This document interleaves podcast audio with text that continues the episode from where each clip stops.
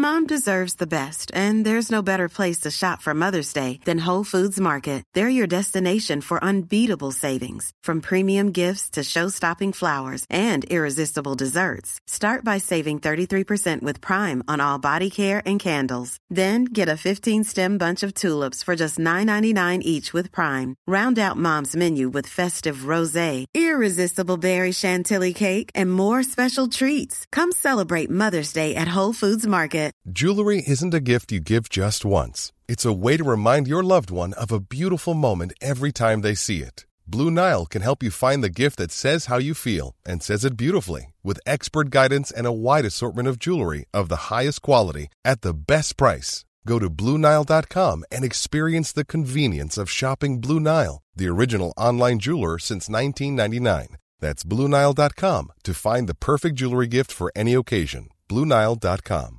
This is Paige, the co-host of Giggly Squad, and I want to tell you about a company that I've been loving, Olive and June. Olive and June gives you everything that you need for a salon quality manicure in one box. And if you break it down, it really comes out to $2 a manicure, which is absolutely insane. It's also so easy to get salon worthy nails at home with Olive and June. The difference between how your nails used to look when you did them yourself and now with the Manny system is a complete game changer. The best thing about Olive and June too is it's a quick dry. Dries in about one minute, lasts for five days, and full coverage in up to one to two coats. Visit oliveandjune.com slash perfectmanny20 for 20% off your first system. That's oliveandjune.com slash perfectmanny20 for 20% off your first system system. Mom deserves the best, and there's no better place to shop for Mother's Day than Whole Foods Market. They're your destination for unbeatable savings, from premium gifts to show-stopping flowers and irresistible desserts. Start by saving 33% with Prime on all body care and candles. Then get a 15-stem bunch of tulips for just $9.99 each with Prime. Round out Mom's menu with festive rosé, irresistible berry chantilly cake, and more special treats. Come celebrate Mother's Day at Whole Foods Market.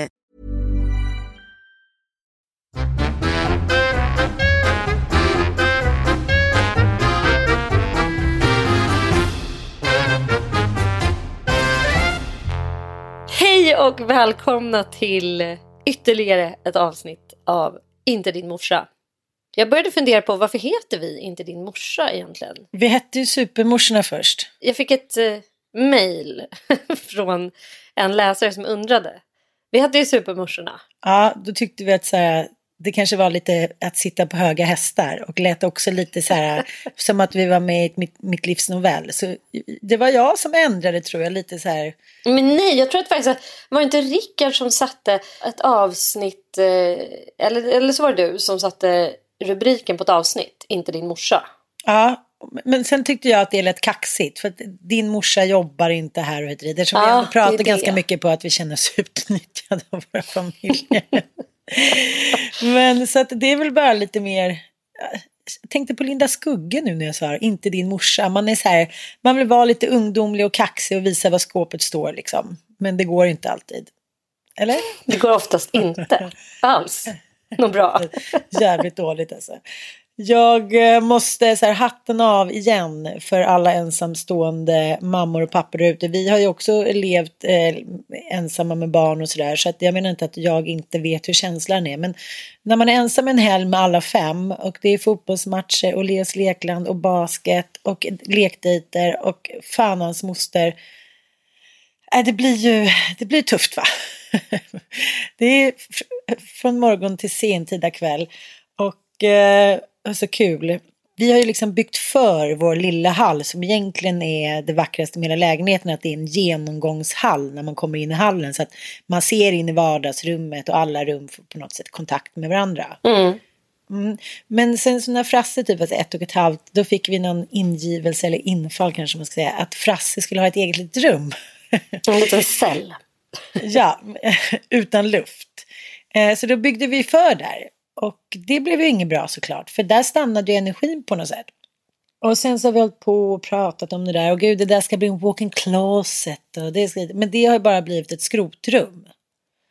Där så här tvätt står, gamla madrasser och Mattias golfbag. Och, men där stänger man in liksom pöben, allt som man inte vill se IRL.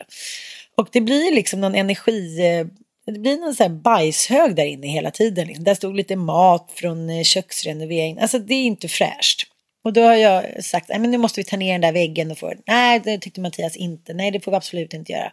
Sen igår när jag kom hem, då hade Ossian rivit den väggen. Va? Bara liksom för att han hade hört din tysta bön.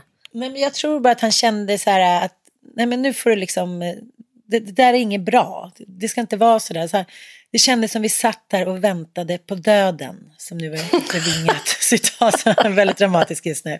Han har varit lite edge, liksom itchy den här helgen om man säger så. Och rensat allting, fixat vardagsrummet och så här. Ja, men nu, Hade han gjort det här? Ja. Det är helt fantastiskt. ja, han bara, det är det minsta jag kan göra för dig mamma. Nej, men, det här, sånt här, fy fan vad man älskar sånt här. Det här är ju själva motsatsen till det vi pratade om i eh, förra podden. Alltså, Ja. De hör kanske på den här podden och tänker att de ska liksom visa oss på surprises plötsligt. Att de ska bli mästare på att överraska. Ja, men det var så, så gulligt tycker jag. Och Mm. eh, ja, nej, men det var gulligt. Men det där, den är ju, för att eran, annars så går man ju igenom er serveringsgång liksom. Precis. Så att köket, det måste ju vara så i, i gamla lägenheter. Man älskar ju gamla lägenheter. Man, man, man kan också verkligen avsky dem. Därför att de är ju planerade utifrån att eh, det finns då fina och fula rum. De fula rummen ligger mot gården och där ska det bo köksor och där ska det ligga ett litet, eh, ofta helt Ja, icke-funktionellt kök. Alltså kök och pigrum. Och toaletter hade de ju inte ens på den tiden. Så det, då gick man ju ner på dass på gården. Så att de har man ofta liksom fått kuba in bara så här i, i typ något, ja i någon kanske garderob. Så det är lite challenging.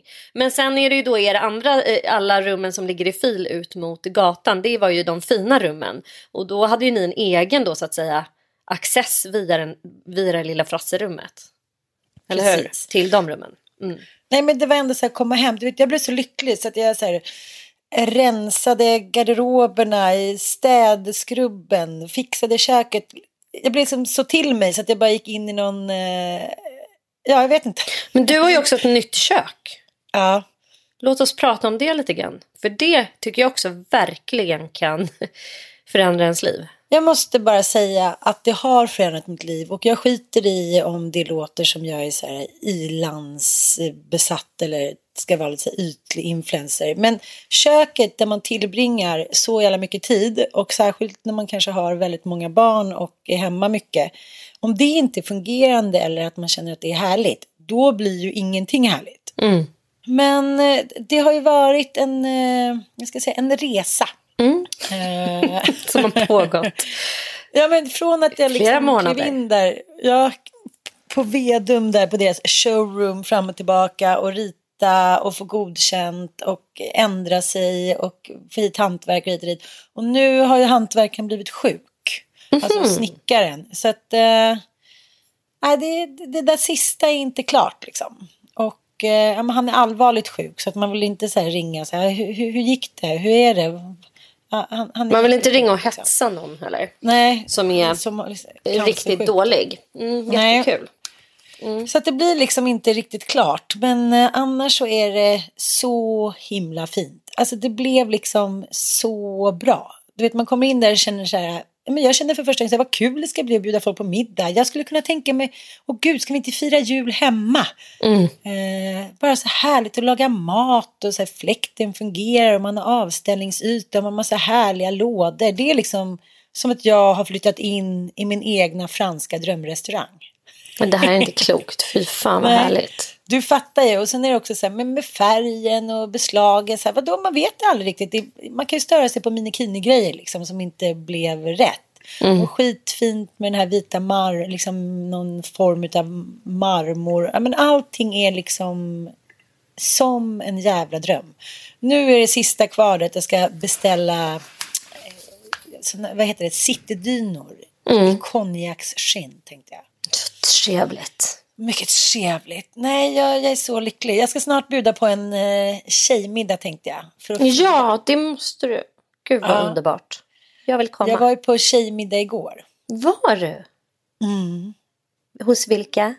Nej men vårt gammalt tjejmiddagsgäng som vi har haft i, eh, vi firar ju 25 år i höst. Det är liksom helt sjukt. Alltså det är ett helt liv som jag har umgåtts med de här kvinnorna. Det är liksom som att komma hem till sig själv, att komma hem till någon av dem och äta middag. Jag bara kände det igår, jag längtade så mycket efter alla. att jag var liksom, när jag kom, alla hade ju redan kommit när jag kom såklart. Jag hade ju alla fem barnen och så här, vet, sista sekund. Man bara förresten, jag tänkte bara gå och sticka iväg en liten, snabbis nu då. För pappa Tias har ju varit på golfhelg. Och så bara kommer man dit och så står alla där så finklädda och, och tycker jag är så här, alla är så vackra och det, maten är så god och alla är så glada och bara så här skriker av lycka när man kommer in. Nej men det är liksom någon magi i det där att vi känner varandra så himla väl och har varit med om så himla mycket tillsammans. Då alla är liksom helt ärliga. Och är ibland arga på varandra och ibland så här. Men, men eh, vid typ fyra så sa så hon som hade det, Lisa, så till mig och Frida och Åsa som satt ute på altanen typ. Så bara, Nej, nu får ni gå typ. Vi kunde ju suttit där tills nu. Liksom. Så träffas man allt för sällan och så har man så mycket att prata om. Och så blir det bara som... Det där var ju mina bästa, bästa kompisar. Precis som du har Carro och Jossan. Det är liksom mina bästa kompisar från gymnasiet. Och jag, jag tänkte på det igår. Gymnasiet har ju präglat mig mer än någonting annat i livet. Jag menar inte att det är, så här, att det är ovanligt. Men jag, jag kände verkligen det igår. Allt som jag gjorde under de tre åren är... Men det är liksom, jag tyckte det var så otroligt härliga, bra år. Vad gjorde du? eh, Alltså vilken skola gick du i? Första G. Första gymnasium. Ja, och där träffade du då en, en merpart av det här tjejgänget som du eh, käkade middag med igår.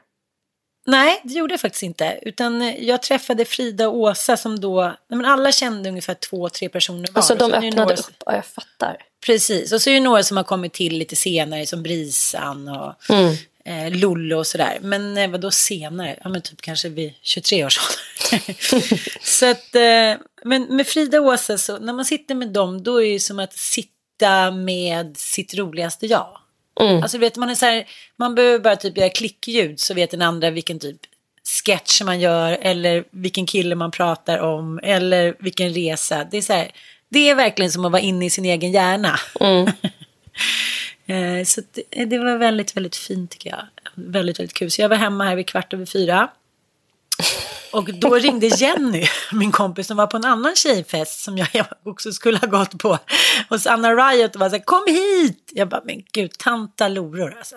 Det känns som så här, vi, vi måste liksom hålla igång, så här, alla är så här, ja men du vet, 40 plus. Det kan hända vad som helst nu, klimakteriet och fan hans moster. Det är som att eh, man har kommit in i en så här annan... Eh, Andra andning. Småbarn längre. Mm. Nej, utom du och jag då. Men, så Skitsmart. att jag bara tyckte det var så lustigt, så här, kvart över fyra så ringer på telefon. Jag säger, men nu får ni ge er. Kom hit! Det är ändå så härligt ju. ja, det är ändå så härligt. Så det var så gott. Och så och käkade, tänkte, varför gör man inte mer ugnsmat? Tänker jag alltid. Ja, ungsmat är så jävla... Hur vi fan, lite alltså mitt, ja, men nu ska jag berätta mitt största lifehack. Vi har ju gasspis. Och eftersom vi då bor ute på landet så måste vi förse oss själva med gas. Och det gör man inte alltid. Ibland tar det slut. Så då Mm. har det hänt att jag liksom är tvungen att laga ugnsmat. Och det har lett till en hel herrans massa lifehacks och eh, Mhm. upptäckter. Bland annat att det bästa sättet att tillaga köttbullar är i ugn. Att man har stått och stekt eh, sina då platta, som de alltid blir, köttbullar i en stekpanna, en gjutjärnspanna, där skiten bara fastnar. Ströbrödet i smeten bara bränner fast. De går sönder, de blir liksom ovala, fula i formen, brända på ena sidan fast ändå inte genomstekta. In the oven, that will never happen. They will be perfect, perfectly round and perfectly nice. Så det är, fy fan vad bra det är. Och även liksom att skicka in en hel, alla typer av långkokta eh, köttisar. Lammlägg, kalvlägg, liksom långkoka i gryta i ugn. Hur smidigt är inte det? Man bara kan göra en massa andra prylar. Men här var det då så här enkelt också. Torsk och lax i en jävla ugnsform. På med grädde blandat med Philadelphia. Mm. I med cocktail, tomater, på med lite snappisar på slutet och bara så här grädde. Mm. Och så med ris och någon härlig sallad. Det är så gott så att det är helt otroligt. Jag, jag mm. måste komma tillbaka till den glada 70-talsfisken. Mm, väldigt gott faktiskt. Hej, jag Ryan Reynolds. Recently, I asked Mint Mobiles legal team if big wireless companies are allowed to raise prices due to inflation. They said yes. And then when I asked if raising prices technically violates those onerous two-year contracts, they said, what the f*** are you talking about, you insane Hollywood ass?" So to recap, we're cutting the price of Mint Unlimited from $30 a month to just $15 a month. Give it a try at mintmobile.com slash switch. $45 up front for three months plus taxes and fees. Promo for new customers for limited time. Unlimited more than 40 gigabytes per month. Slows. Full terms at mintmobile.com. Hey, it's Ryan Reynolds, and I'm here with Keith, co-star of my upcoming film, If, only in theaters May 17th. Do you want to tell people the big news? All right, I'll do it. Sign up now and you'll get unlimited for $15 a month in six months of Paramount Plus Essential Plan on us. Mintmobile.com slash switch. Upfront payment of $45 equivalent to $15 per month. Unlimited over 40 gigabytes per month. Face lower speeds. Videos at 480p. Active Mint customers by 531.24 get six months of Paramount Plus Essential Plan. Auto renews after six months. Offer ends May 31st, 2024. Separate Paramount Plus registration required. Terms and conditions apply if rated PG. A lot can happen in the next three years. Like a chatbot may be your new best friend. But what won't change? Needing health insurance. United Healthcare Tri Term Medical Plans are available for these changing times. Underwritten by Golden Rule Insurance Company, they offer budget friendly, flexible coverage for people who are in between jobs or missed open enrollment. The plans last nearly three years in some states, with access to a nationwide network of doctors and hospitals. So, for whatever tomorrow brings, United Healthcare Tri Term Medical Plans may be for you. Learn more at uh1.com. This is Paige, the co-host of Giggly Squad, and I want to tell you about a company that I've been loving, Olive and June. Olive and June gives you everything that you need for a salon quality manicure in one box. And if you break it down, it really comes out to $2 a manicure, which is absolutely insane. It's also so easy to get salon worthy nails at home with Olive and June. The difference between how your nails used to look when you did them yourself and now with the Manny system is a complete game changer. The best thing about Olive and June too is it's a quick dry. Dries in about one minute, lasts for five days, and full coverage in up to one to two coats. Visit oliveandjune.com slash perfectmanny20 for 20% off your first system. That's oliveandjune.com slash perfectmanny20 for 20% off your first system.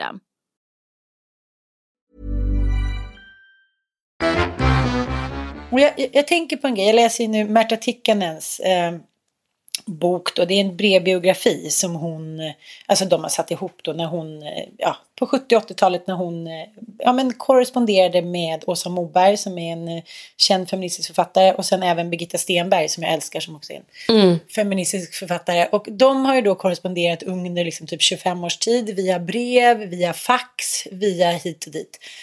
Och så tänkte jag på det när jag satt på den här tjejmiddagen igår. Att eh, Märta skriver då i den här boken att hon menar, behovet av att få säga drev mig i brevskrivandet. Att säga har alltid varit viktigt i vår släkt kvinnor emellan. Man måste få säga hur det är. Man ringer upp och rapporterar hur man har det. Det är också som, som hon säger så här, det är någonting som återkommer i de här breven. Mm. Och jag tänker på det om man ska jämföra då varför män och kvinnor ibland har så svårt att hitta någon bra liksom, vardagskemi så beror det ju nog mycket på att vi det ligger någonting i det där. Sitter på den där middagen och man måste få säga hur man har och hur det är, hur det är med barnen och hur man har allt från sexliv till gnistan till jobben. Man måste liksom få göra, avlägga en rapport för att kunna gå vidare och må bättre. Mm. Och det känner inte jag att män gör. Liksom. De har inte den här vardags, jag måste få säga. De har ingen vardagsrapportering till varandra direkt. Eh, ja men det är väl lite grann som alltså glädjen när man läste Sapiens av Yuval, alltså Noah Yuval tror jag han heter. Mm. Han, mm, han har ju skrivit, ja, en israelisk eh, författare och forskare som jag har skrivit om mänsklighetens historia och varför vi är som vi är och varför den här arten då är så framgångsrik men också extremt destruktiv. Men han menar ju att en stor del av vår eh, framgång ligger i att kunna hålla ihop större grupper och att eh, det finns två förklaringar till det och en av dem är skvaller. Mm. alltså när jag läste ja. det, jag bara kände så här, för att det är också någonting som män ofta har sett ner på och har eh, baktalat och eh, skammat väldigt mycket. Det här kärringsnacket. Ah, ska ni sitta och, vad är det för jävla syjunta ni håller på med? Att det är liksom så här, det är onödigt att sitta och, och, och få ur sig liksom. Eh, och sitta och prata om andra som inte är med och sådär. Men eh, det här är ett eh, livsuppehållande shit för mänskligheten. Att kunna föreställa sig andra människor, hur de har det och att resonera med andra om det. Det är verkligen ett sätt att hålla ihop en by eller en större gemenskap. Att prata om dem som inte är där. Liksom. Mm, mm. Men sen är det också som du säger, det har ju så extremt många andra funktioner. Du och jag som ju har jobbat så mycket med vårt medberoende, vi har ju verkligen också förstått att eh, en stor del av tillfrisknandet från medberoende och all typ av dysfunktion och all, all typ av kris egentligen handlar ju om att dela med sig med andra som är med som, som har liksom liknande erfarenheter eller är med om ungefär samma sak. Eh, och en väldigt stor del av dysfunktionen i en familj handlar om isolering. Att man inte träffar andra människor och att man mm, håller tyst om det som händer.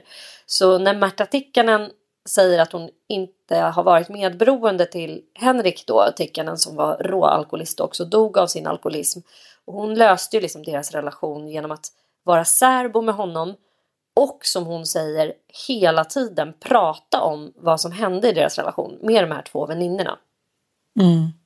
Är det mycket av den varan i den här boken?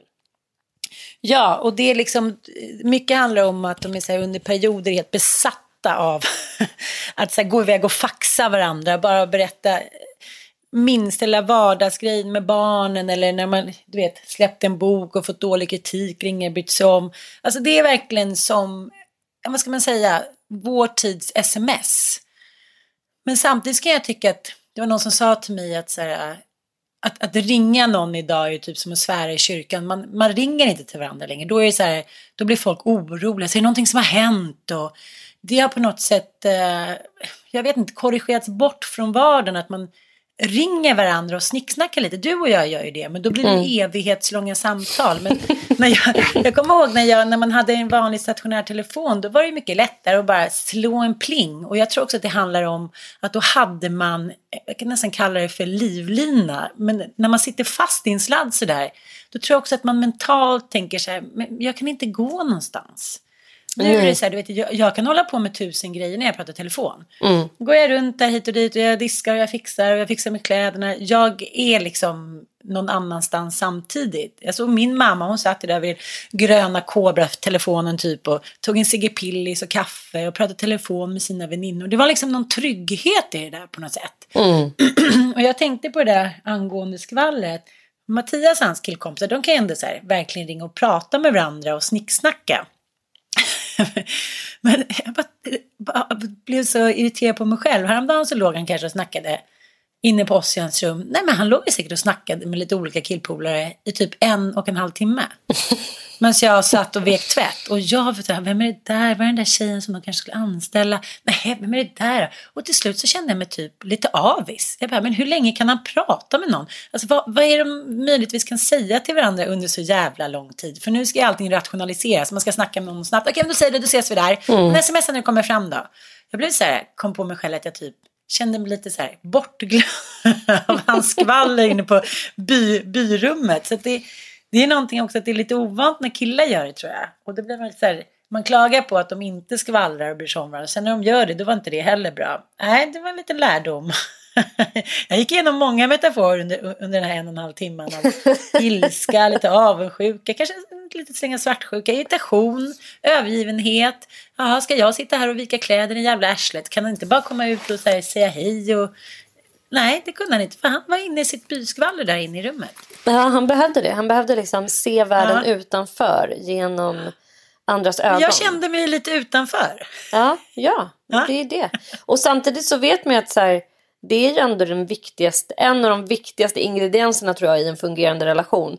Det är att eh, man, båda parter har eh, byskvaller och andra relationer som, eh, som man smörjer ordentligt att man går på tjejmiddagar, att man åker på golfhelger, allt det där. Alltså ja. det, det är ju kittet för att annars skulle man inte ha någonting att prata om med varandra. I samma stund som man börjar isolera sig och göra allt tillsammans då, då kommer relationen ta slut inom max ett par år.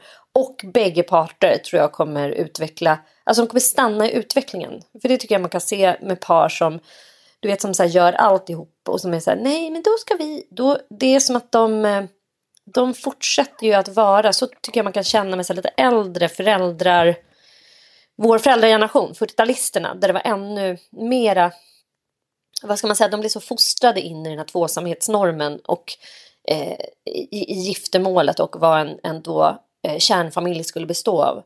Och de fastnade ju i utveckling.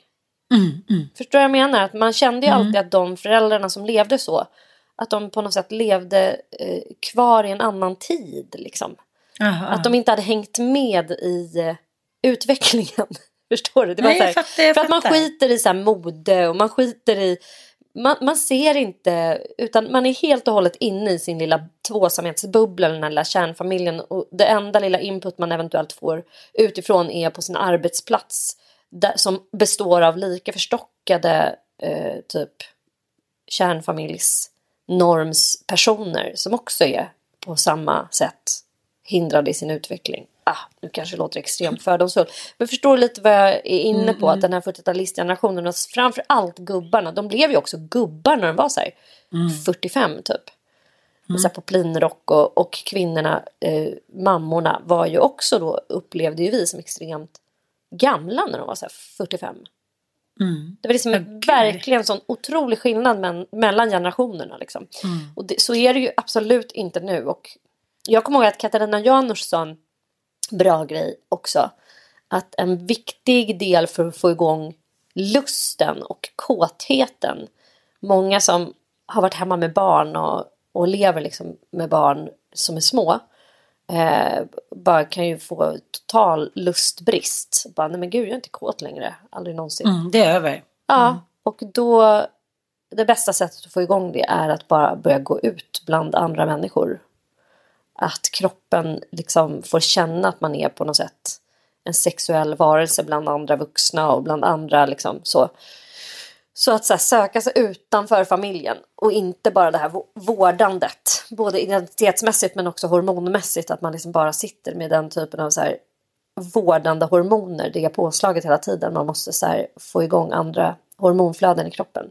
Så jag tror bara på ett win-win och att den här veckan var extremt välbehövlig. Och nu kan jag tänka mig att du är både glad och lite småkåt. Ja, jag kände faktiskt när han kom in här med sin keps och såg helt slut ut och han såg lycklig ut. Tänkte ah, det blir lite snabb i säng, sänghalmen. Men kossa. Nej, men jag tänker på det. Jag har precis börjat läsa en bok som jag tycker är jävligt spännande av eh, Anna Kover och Åsa Nilssonne. Alltså gud vad du är inne i läs här nu. Det är ändå Ja, men- fantastiskt. Du har fått Ja, igång. men- det är Ja, men har fått bokhösten. igång. Ja, Ja, fast sen kanske jag läser tio sidor. Det är inte så att jag avslutar allt. Det kan jag inte. Utan jag går in och, och tar det jag behöver. va. Mm. Men, men de har skrivit en bok. Jag vet, jag vet inte när den kom ut om jag ska vara helt ärlig. Men eh, ja, ja, whatever, spelar roll. Men det var 2008 kom den ut. Eller 2007. Och den har jag börjat läsa nu. Eh, och den heter Tillsammans om medkänsla och bekräftelse. Mm. Och den är ganska spännande. Eh, första kapitlet är så här, tillsammans har du fått den träning du behöver. Och då är det så här olika kapitel, att se och acceptera helheten, människan som ett prisma, eh, medvet, medveten närvaro, acceptans och hit och dit. Och de skriver ganska bra. De är så här, många människor tror att de kan gå ut i världen och liksom vara jättebra på medkänsla, empati och bara kunna leva tillsammans hit och dit. Men det är ju inte så. Vi har ju alla vårt bagage och det är ungefär som att en unge börjar åka liksom skridskor eller ska göra piruetter som en isprinsessa. Man får ju så öva 50 000 gånger bara för att få till en. Och de menar att man måste liksom öva på att vara medveten och empatisk och leva tillsammans. Och det är därför så jävla många relationer går åt helvete. För att om vi till exempel tar våra, min, min ex-Karaslok och din nuvarande som är uppväxta då under lite turbulenta förhållanden då och då. Och morsor som kanske inte riktigt var mogna för att bli mammor och hit och dit. De har ju precis som Eh, du och jag vet är medberoende och en, en, karta, en familjekarta som inte ritades rätt och riktigt vad det nu är. Men om vi ska gå efter gängse norm då. En trygg och stabil uppväxt och föräldrar som ser en och kan bekräfta och sätta gränser och liknande. Utan det var ju lite halabaloo hur som helst. Och sen blir de då pappor och fäder och män det är klart att de måste öva på det och inte ha det naturligt. Och det är ju samma sak för dig och mig. Det har ju vi övat på liksom hundra år nu på att liksom se vad som är rätt och riktigt och inte hamna i medberoendets liksom gap och hit och dit. Så att, eh, jag tycker det var väldigt intressant att man inte tänker på det här att man verkligen måste öva på att vara tillsammans med en undrar men han fattar, han förstår inte mig, han är dum i huvudet, han ser inte mina behov och sexlivet dit.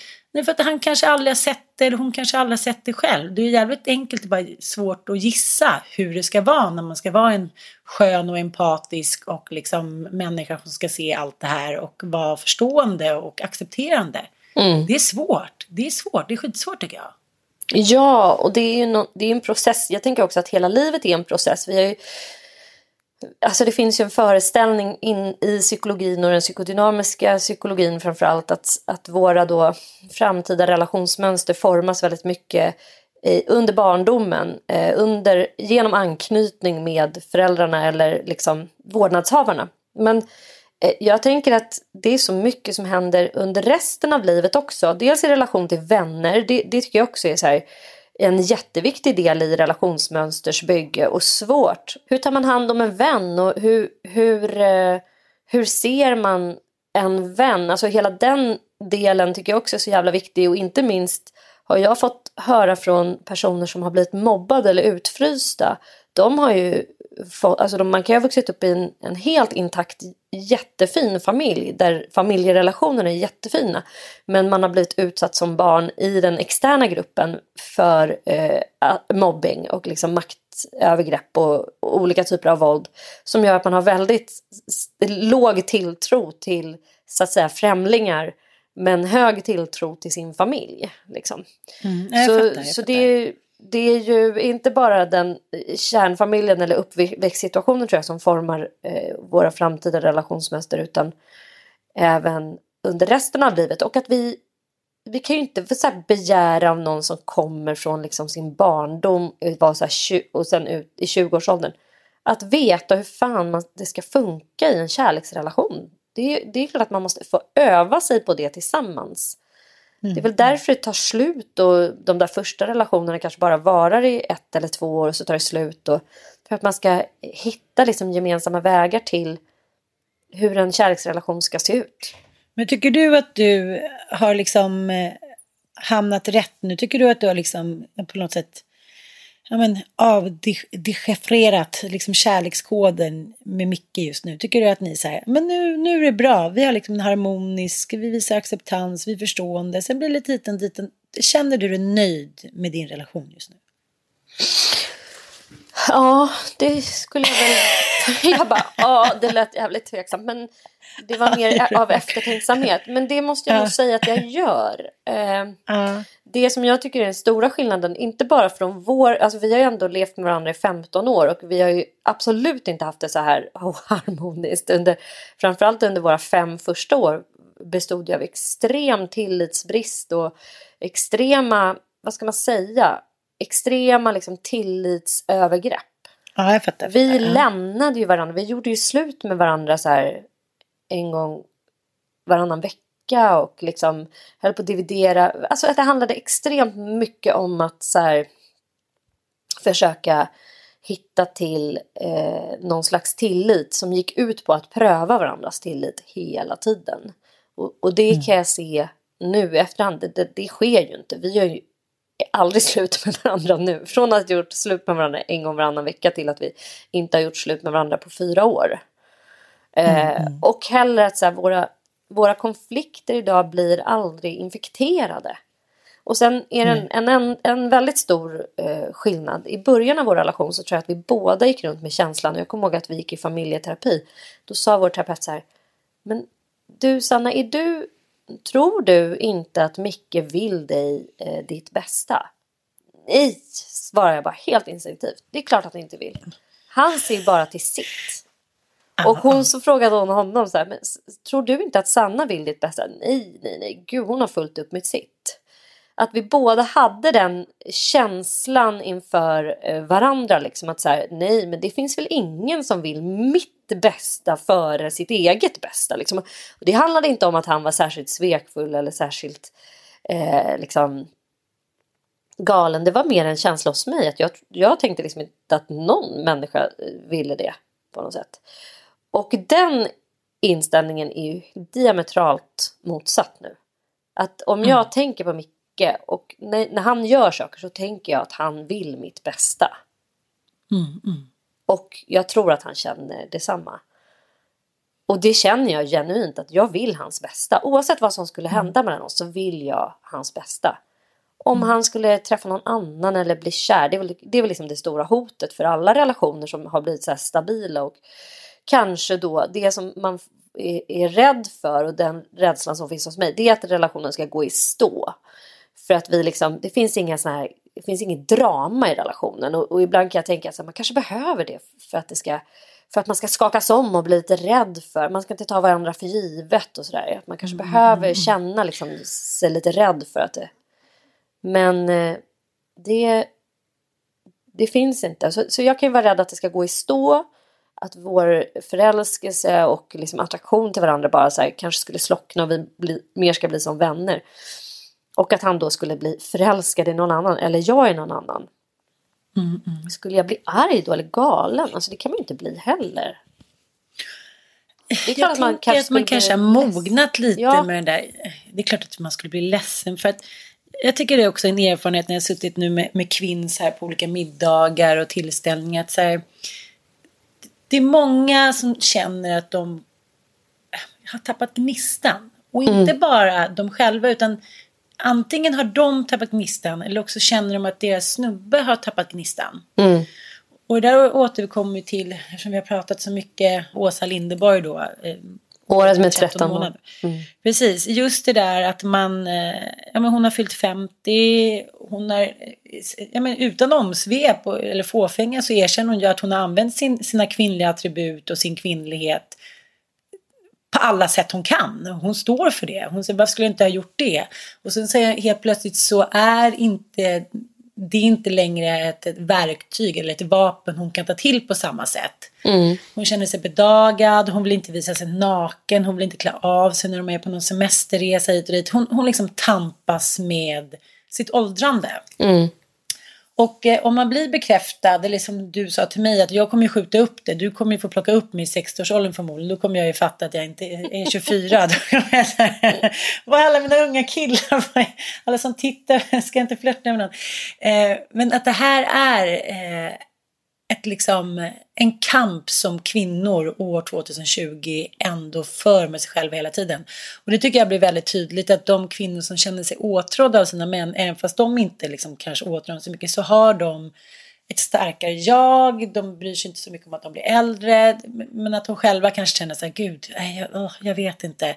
Den här närheten, att man, man kanske haft det jobbigt på jobbet, det är mycket hit och dit, man har tonåringar, så exempel kommer en liten hand där men liksom klockan 12 på torsdag kväll. Man bara men snälla skärp till det bara. Fattar du inte att det krävs lite mer liksom? Medan mannen försöker närma sig lite. Och jag har tänkt på det lite senaste veckorna att Mattias han försöker komma och spontan dansa lite och liksom hångla lite. Jag säger, nej men vadå, vad gör du nu typ? Vi håller ju på med tvätten. Att man kanske tycker att det är så här, men han, han är så dålig på uppvakta hit men man kanske blir miniuppvaktad hela tiden och det gör att jag ändå känner mig åtrådd och sedd. Men många av mina vänner känner själva antingen att de inte åtrår eller att de inte känner sig sedda liksom. Mm. Och då blir det ju såklart att man drar en parallell till att jag kanske inte är attraktiv längre och jag börjar känna mig gammal. Och, och där tycker jag är lite jobbigt att se några av mina tjejkompisar som inte alls är så. Jag känner så nej men man kan inte leva tillsammans med någon som inte ser en. Och det var en scen som tycker jag var väldigt rörande i den här Sommar 1985 som Emma Hamberg har skrivit och som går på SVT nu en liten puttrig, rolig, välspelad serie om livet i eh, en småstad på 80-talet. Liksom. Och då eh, är det ju en, en utav skådespelarna som har den bär, en av de bärande rollerna. Jo men det, då spelar ju Lotta Telje då, eh, den fantastiska skådespelaren, spelar ju då eh, huvudrollsinnehavarens mamma. Barbro. Med, ja, som är lite missnöjd med sin dotter som aldrig får till det och som ensamstående och liksom. Och hon har ju levt tillsammans med sin gubbe i alla år. De har det ju bra, de har gemensamma intressen hit och dit. Men han är liksom helt ointresserad av henne som kvinna. De är bara ett gammalt ler och långhalm. Mm. Och den här fantastiska eh, rollfiguren också som är på Solariet. Vad heter hon? ja. ja men du vet så här, ska jag inte köpa ny bh då? Kajsa Ernst. Ja precis, ja, men vi ska lyssna lite på det här. Herregud Babsan. det blir inte mycket pipp av i den där du. Nej, vet du, man har inte roligare man gör sig. Ja? Nej men sluta glo, känn istället. Nej, alltså nej men snälla ju Anita. Ja men det här kanske Stickan skulle gilla. Ja. Den finns hos Birgittas. Ja, här i alla fall att, att Lotta Telje då, Barbro, kommer in och ska sola solarium och då tycker liksom eh, hennes kompis då att hon ska köpa lite nya raffiga underkläder. Och det här är liksom så en stor grej för henne att hon har köpt den här bhn och hon försöker liksom förföra sin man och han märker inte ens eh, att hon förför honom. Mm. Så här, men gud vad varmt det blev. Nej nu är det så varmt, ta bort handen. Och så där kunde ju mitt ex vara också om vi låg nära. Så här, gud du är så varm, du får flytta. Man hade haft sex och var så här, nej men du får gå bort nu. Gud, nej gud vad varm, jag kan inte ligga bredvid dig. Man bara, nej men alltså när du säger det där, dels tar du bort hela kärleksakten. Sen tar du bort mig som person och, och liksom på något sätt exkluderar mig och på något sätt förbepassar mig till en historisk del av kvinnohistorien som är så här, ja, då var det klart, nu kan du gå ut och liksom fixa lite med, med barnen eller kaffet eller korna att den här, det här avfärdandet ofta slår så mycket, mycket, mycket hårdare än vad jag tror att både män och kvinnor tror när man inte blir sedda. Mm. Och det där tycker jag många pratar om med mina tjejkompisar, så att man känner sig som en kåtkråka om man visar att man har ett behov. Liksom. Att det, den moderna mannen måste inse att den sexkartan är omritad för alltid, att det är inte mannen som ska så här, sadla upp och hoppa på när han känner sig lite sugen och dra några juck in och ut och sen ska det vara klart. Utan man måste se på varandra på ett nytt sätt och det här är ju svårt för många tycker jag. Ja, men, men jag tror också att vi sitter fast väldigt mycket i, i så här normativa idéer om vad en relation ska vara. För att om jag tittar på så här, jag har ju ändå jobbat i hemtjänsten och äldrevården väldigt mycket och tittar man på gamlingarna där, ja, det är ju försvinnande få som har ett aktivt sexliv när de är liksom över 70. Eh, eh, en, en del har väl det, men sen är det, kommer det ju mellan sjukdomar och krämpor och, och allt möjligt. Det som ofta finns kvar och som verkligen gör att en relation så att säga som att man upplever att den relationen ändå är, är värd att vara där. Det är ju gamlingar som ändå är extremt gulliga mot varandra. Alltså när man håller på med oxytocinandet, att man, så här, man håller hand, man vill ligga sked, man vill mysa med varandra.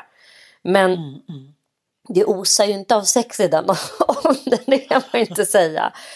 Men samtidigt tror jag att det är, så här, det är extremt många människor, även om vi har de flesta skilsmässorna bland, i hela världen och flest ensamhushåll. Folk skiljer sig faktiskt när de inte får ligga med varandra längre och man nöjer sig inte här och det finns möjligheter att, att leva själv som ensamstående. Liksom. Både för att vi har stat och samhälle som supportar eh, liksom, föräldrar så att vi klarar det. Men också att många kvinnor är självständiga i egen ekonomi. Så att man liksom inte tar mm. vad som helst.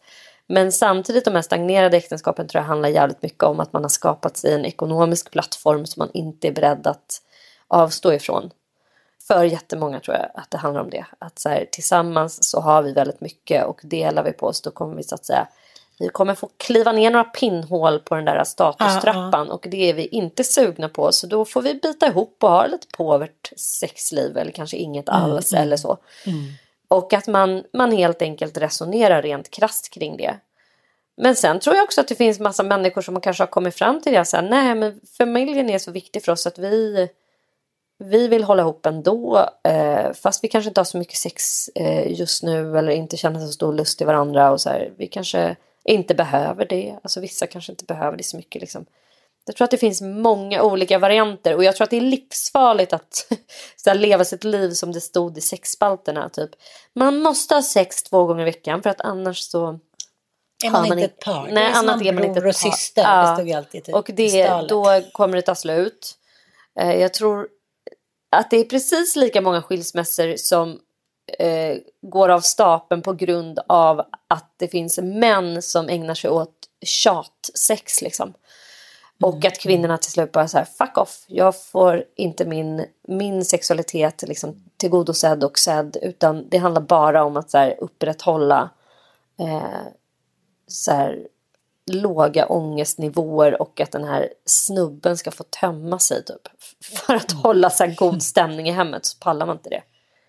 Nej, Tror inte det att det är lika många Jo. skilsmässor som, som uppstår i det liksom? Att man till slut som Jo, men- kvinna bara är så jävla trött på det där. Att, Ja, men jag tänker också att det är så här, men jag tycker jag har hört den här kommentaren så här, jag vill verkligen att vi ska vara vår familj och det är verkligen en otroligt stark drivkraft att få vara en familj. Det är, nu blir jag typ rörd. Det är väldigt, väldigt vackert liksom. Det, är, det är fint att vara en familj och det går inte att komma ifrån att, att man jag kan känna det också när, när jag är med, med killarna och vi är en familj så är vi såklart en familj alla sju.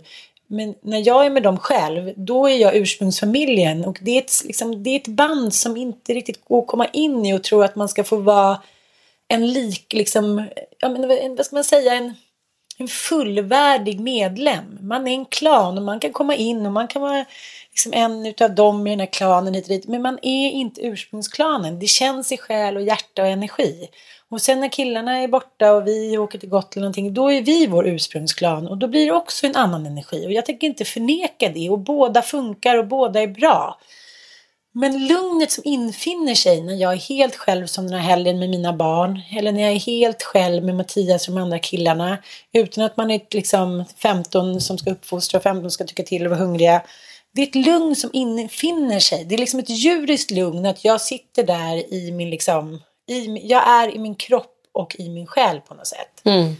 Och eh, det här är svårt. Det, det, är så här, när- tjejkompisar säger så men jag vill, jag vill liksom vara med min familj. Jag vill inte på något sätt lämna vårt hus eller lämna dem. Men jag, eh, liksom, jag känner inte att jag åtrår min man längre. Och jag typ blir irriterad när han tuggar. Jag blir irriterad. Liksom, ja, fy fan, Det den där är farlig svår alltså. balansgång. Och, eh, eller om man inte blir sedd till exempel. Jag känner så här, man, alltså, jag har alltid varit liksom, sexuellt så här, jag har varit en liksom, knullis. Jag gillar att knulla, jag gillar att vara nära hit och dit. Jag tror inte det, det kommer väl försvinna och liksom, med åren. Det har jag väl gjort. Det är inte så att man är lika galen nu som man var när man var 20. Men då att vara tillsammans med någon som inte åtrår en eller inte ser på en någonsin med sexuella ögon utan bara så här, få till det någon gång när man har varit på någon firmafest eller man får tjata sig till, även som kvinna, jag tror även att det kan vara omvänt. Nu har inte jag känt det, men, men, men jag, jag ser ändå på kompisar som känner det där att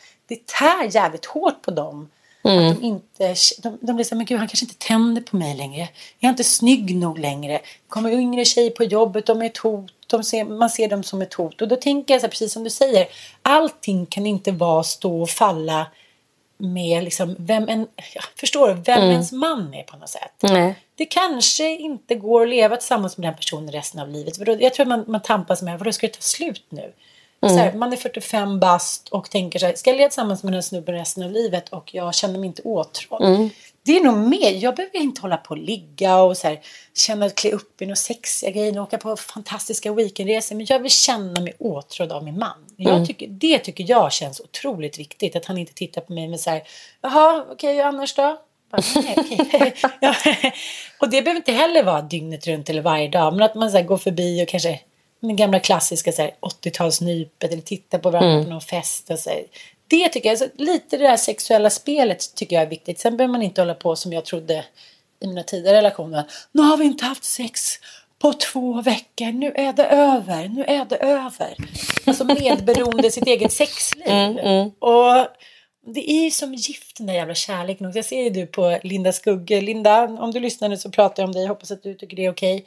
Som är då så förälskad i sin gamla kille från 90-talet att hon Nej men hon är liksom så uppe i varm nu så att det går inte att stoppa henne. Hon är som en jävla tornado på Instagram. De är i Berlin, de är hit. Hon kallar honom för Marstrand Psykot. Hon filmar allt och gör. Hon är på utställningar. Hon är liksom så uppe i sin kärlek och sin extas att liksom, hon skulle inte behöva, hon, hon, är liksom, hon är förgiftad av, av åtrå till den här mannen. Och vice versa. Och det pågår inför öppen ridå på ett sätt som jag sällan har sett. På svenska, i Jag vet, medier. ja, det här är så uppfriskande. Och det är så jävla härligt för att folk till skillnad, alltså så här, det är en sån extremt härlig kontrast till det vi pratade om i förra podden. Alltså amish-kvinnorna. Det känns, alltså amish-kvinnorna, där vill man inte ha några stora galna, passionerade utspel. Utan där vill man ha trygghet, man vill vara gift med samma man i hundra år. Fast han har 33 andra Ja, och liksom, nej men du förstår, det ska, vara, Ja, ja. det ska vara lugn och ro och litet och mysigt. Men Mm. Linda Skugge tillhör ju inte den generationen, utan hon är ju tvärtom. Eh, hon vill ha storslagenhet, hon vill ha alltså... Mm. One last love ja, before verkligen. mentopause. ja. Ja, med herregud. Hon kan släppa kompisar. allt hon har för händer och bara kasta Ja. sig ut i det här. Och, det är Och hon gör det så- också. Ja, hon gör det. Och det är så Ja. jävla härligt att se alltså. Jag bara känner så här, hon ger liksom alla kvinnor i, på 1900-talshistorien i Sverige, allt från Kerstin Thorvall till här, ja, Märta Tickant, vem som helst, på något sätt upprättelse. Mm. Så nej, vi var inte galna. Att, att följa Linda ha- Skugge nu är väldigt mycket som att läsa Kerstin Thorvall live. Ja. Det är så uppfriskande. Ja. Så att det, är- men jag blir upprymd. Det är helt eh, underbart. Gå in och följ henne så får ni... Eh, eh, i, i, ni behöver inte titta liksom, på en dramaserie som älskar mig utan här, har ni, här får ni ständiga uppdateringar. In real life, en dokusåpa i miniformat där det händer riktigt härliga grejer.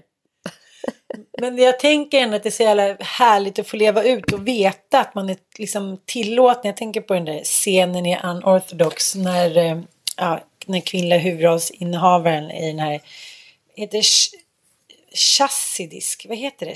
Chassidisk- Chassidisk judinna i Brooklyn då, den här kvinnan som eh, blir ingift med och flyr från det här arrangerade äktenskapet.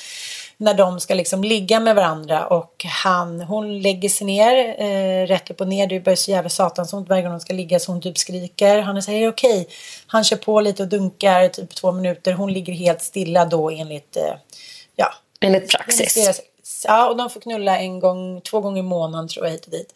Och sen är det så jävla tragiskt för sen så försöker han och den här andra galna jiddischen leta upp henne i Berlin då och de ska liksom ja, prata ut då så här, hon har ju stuckit ifrån honom, hon är gravid och han så här, har kollat på någon porrfilm och gått till någon liksom prostituerad för att lära sig lite vad hon nu ska gilla. Hon säger men det är liksom för sent.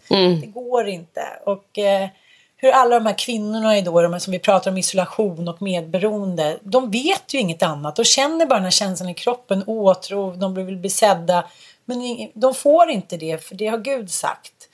Så att jag, jag tycker det är så jävla befriande att en kvinna som närmar sig 50 bara går all jävla in och beter sig som en skogstokig, förgiftad, eh, kärlekskrank 14-åring. Så här, kör på Linda, we're with you. Det är så jävla Samtidigt härligt. så är det, tycker jag det är rätt skönt att sitta på så här, första parkett och titta och inte vara där själv om jag ska vara helt ärlig. Mm, nej men det Oh. kan jag också känna när jag ser förälskade par att som du sa, det är ju lite grann att bli förgiftad. Att man glömmer allt annat blir helt oviktigt. Och det, det är en sjukt påfrestande känsla och faktiskt eh, jag tror att det florerar extremt mycket adrenalin och stresshormoner i kroppen när man är i det där. Som ju, man, man orkar ju inte vara i, i förälskelse mer än några månader och det är oftast eh, inte längre än så som, som man är i en förälskelsefas. Sen kan man väl uppleva det där lite till mans, lite här och där och man kan återuppväcka det där i, i sin så att säga långa relation. Men fy fan påfrestande alltså. När jag tänker alltså så här, gud om det av någon anledning skulle ta slut mellan oss nu så tänker jag faktiskt på det där med vånda. Det här att börja dejta och se sig om och så här, leta efter bekräftande blickar. Fy fan vad jobbigt! Härligt också förstås, men jobbigt. Det, vi, vi blir, det är ju en, en stor del av vår, våra mänskliga liv förstås. Det är därför vi älskar att titta på Älska mig och det är därför vi älskar att följa Linda Skugge nu men samtidigt att själv vara där, oh, jobbigt alltså. Ja, otroligt jobbigt. Men jag tänker också när jag står och läser lite i den här boken av Märta Tikkanen då, en brevbiografi. Jag måste försöka, försöka skri, heter den. Då är det så här. Vet du vad min son Bobbel sa när jag sa att du kommer och att Åsa kommer? Lev lesbisk sa han. och tillät, börjar du dra hit karlar så finns det sätt att psyka dem så de sticker. Just vad man inser att de tycker om små liven, inte morsan. Bättre att hon bakar och byker. Det det jag tycker många också säger just det. ska vi inte bara flytta in i ett kollektiv och bara vara vi kvinnor? Det är så enkelt, allt går så smidigt. Ja, men sen då?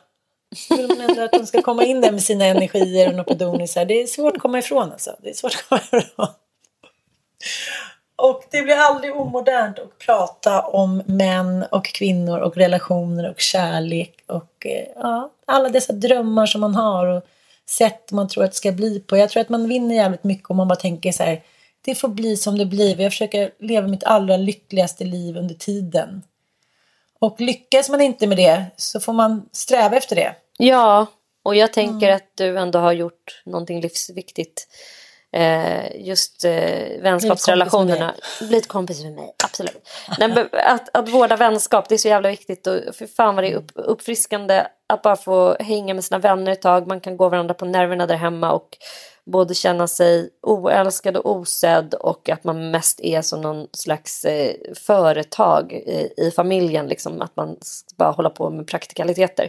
Men så kommer man iväg en stund och så får man klä upp sig, sätta på sig läppstift, hänga med sina tjejkompisar, känna den lilla 15-åringen i sig och liksom väcka liv i andra delar av sig själv. Och så kommer man hem och så är man ju, har man liksom en helt annan input och en helt annat hormonflöde i hela kroppen. Så sjukt viktigt. Jag, apropå vänskap, så vill jag faktiskt bara avsluta med eh, att uppmärksamma, vilket nu var det här ett tag sedan, men fy fan vad jag tyckte det var fint.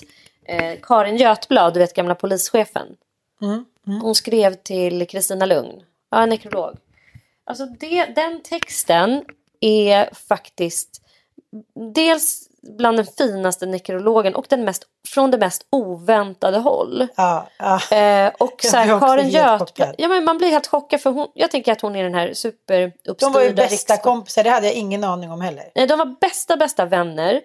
Och båda, många år. Under väldigt många år. För jag menar, jag visste bara om Karin Götblad att hon hade massa barn och var lyckligt gift och trodde hon bara var en så här helt vanlig kärnfamiljs 40-talistkvinna. Men tvärtom visar det sig att hon har då varit bästa kompis med Kristina Lugn och båda de två var unga ensamstående mammor som just slog sig ihop i någon slags kollektiv utanförskap där de blev ifrågasatta som, som de här unga mödrarna de var och där de stöttade varandra i vått och torrt. Eh, från samhällets ifrågasättande och eh, vassa blickar på deras respektive situation Alltså den, den är så fin och hur hon... Gå in och läs den, kära Jag ska, läsa, jag ska avsluta lyssnare. med att läsa de sista tio raderna. Mm. Om jag får. Det får du. Kristina, jag har aldrig haft en finare vän än du. När det värsta hände stod du kvar. Kristina, du lät inte rädslan styra. Du var sannoliken en modig kvinna. Vi drömde där i Upplands Väsby om att förändra våra liv, om att flytta iväg. Att kunna arbeta med det som var viktigt. Vi stod vid varandras sida, alltid, och vi förändrade våra liv. Du förmådde skapa ett fantastiskt liv till dig Martina. Kristina, jag vill träffa dig igen, om det går. Mm, den är så fin. Vänskap.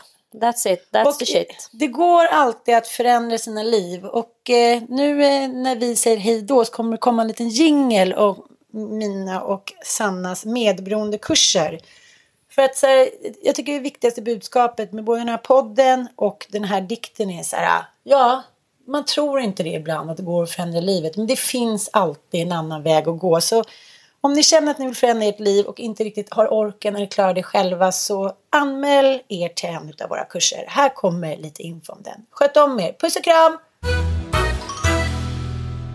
Jag och Ann har börjat hålla kurser vi har varit ute och föreläst land och rike runt efter att vi sände Djävulsdansen i SVT som ju handlar om att vara medberoende och anhörig till någon med beroendeproblem eh, eller psykisk ohälsa. På grund av coronan har vi inte kunnat komma ut i landet och har bestämt oss för att hålla onlinekurser. Under åtta gånger så ses vi och lär oss allt om medberoende. Jag och Ann eh, guidar och vi utgår ifrån vår bok Djävulsdansen blir fri från medberoende. en självhjälpsguide. Vill ni veta mer om de här onlinekurserna som går igång ungefär en gång i månaden, vi har max 12 deltagare, så går ni in på vår Facebook-sida Djävulsdansen blir fri från medberoende. Där finns all info om både pris, datum och hur ni gör för att anmäla er. Varmt välkomna! Hey, it's Paige DeSorbo from Giggly Squad. High quality fashion without the price tag. Say hello to Quince. I'm snagging high-end essentials like cozy cashmere sweaters, sleek leather jackets, fine jewelry, and so much more. With Quince being 50 to 80% less than similar brands. And they partner with factories that prioritize safe, ethical, and responsible manufacturing. I love that. Luxury quality within reach. Go to quince.com slash style to get free shipping and 365 day returns on your next order. Quince.com slash style. Hi, I'm Daniel, founder of Pretty Litter. Cats and cat owners deserve better than any old fashioned litter. That's why I teamed up with scientists and veterinarians to create Pretty Litter. Its innovative crystal formula has superior odor control and weighs up to 80% less than clay litter. Pretty Litter even monitors health by changing colors to help detect early signs of potential illness. It's the world's smartest kitty litter. Go to prettylitter.com and use code ACAST for 20% off your first order and a free cat toy. Terms and conditions apply. See site for details. Imagine the softest sheets you've ever felt. Now imagine them getting even softer over time. That's what you'll feel with Bowl and Branch's organic cotton sheets. In a recent customer survey, 96% replied that Bowl and Branch sheets get softer with every wash. Start getting your best night's sleep in these sheets that get softer and softer for years to come. Try their sheets with a 30-night guarantee. Plus, get 15% off your first order at bowlandbranch.com. Code BUTTERY. Exclusions apply. See site for details.